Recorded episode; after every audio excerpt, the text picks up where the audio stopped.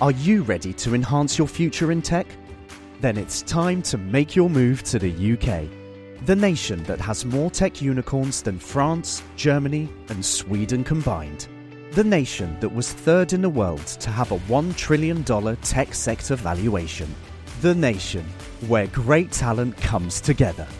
Visit gov.uk forward slash great talent to see how you can work, live, and move to the UK.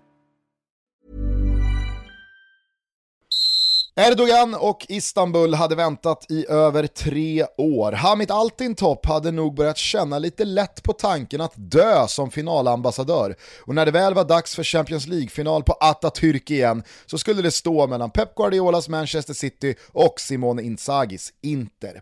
David mot Goliat hette det på förhand och spelmarknaden verkade hålla med. Runt 80% bedömde sannolikheten vara att de ljusblå från Manchester skulle lyfta pokalen. Det största favoritskap ett finallag burit i detta sammanhang sedan millennieskiftet.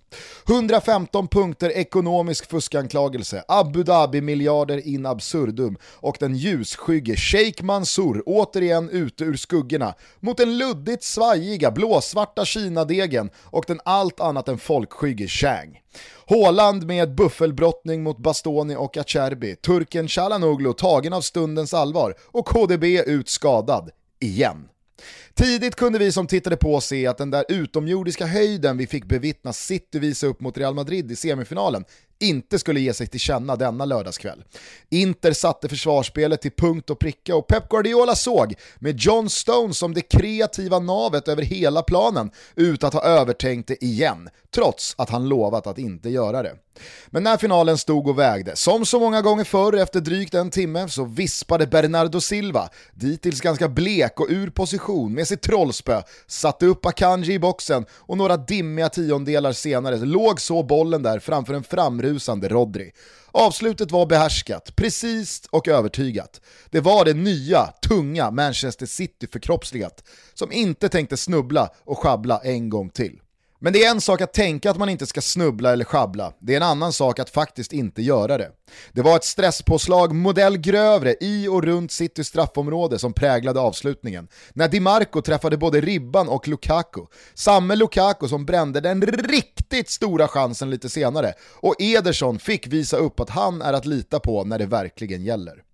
Den eventuellt lite lätt högerextrema domaren Marciniak visslade i sin pipa och förkunnade att Champions League-finalen för fjärde året i följd slutade 1-0 och Manchester City var efter sju år med Pep Guardiola vid rodret och fler eurodollars pund nedplöjde organisationen än vad vi kan räkna till framme. Framme vid paradis och pärleport, den vita valen infångad, snacket om det där sista steget äntligen avslutat. Invändningar finns, och ska såklart finnas, gentemot denna klubb, denna titel och egentligen hela den här delen av fotbollen. Hur många år har vi egentligen kvar? Är det kanske redan över? Den kommande 3, 5 och 10-årsprognosen känns såklart väldigt dyster, men jag väljer ändå att i denna stund fokusera på att Manchester City ute på fotbollsplanen vann Champions League både rättvist och imponerande.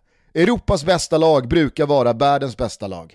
Pep gjorde det, Haaland gjorde det, KDB och precis alla andra som aldrig lyft bucklan med de stora öronen gjorde det.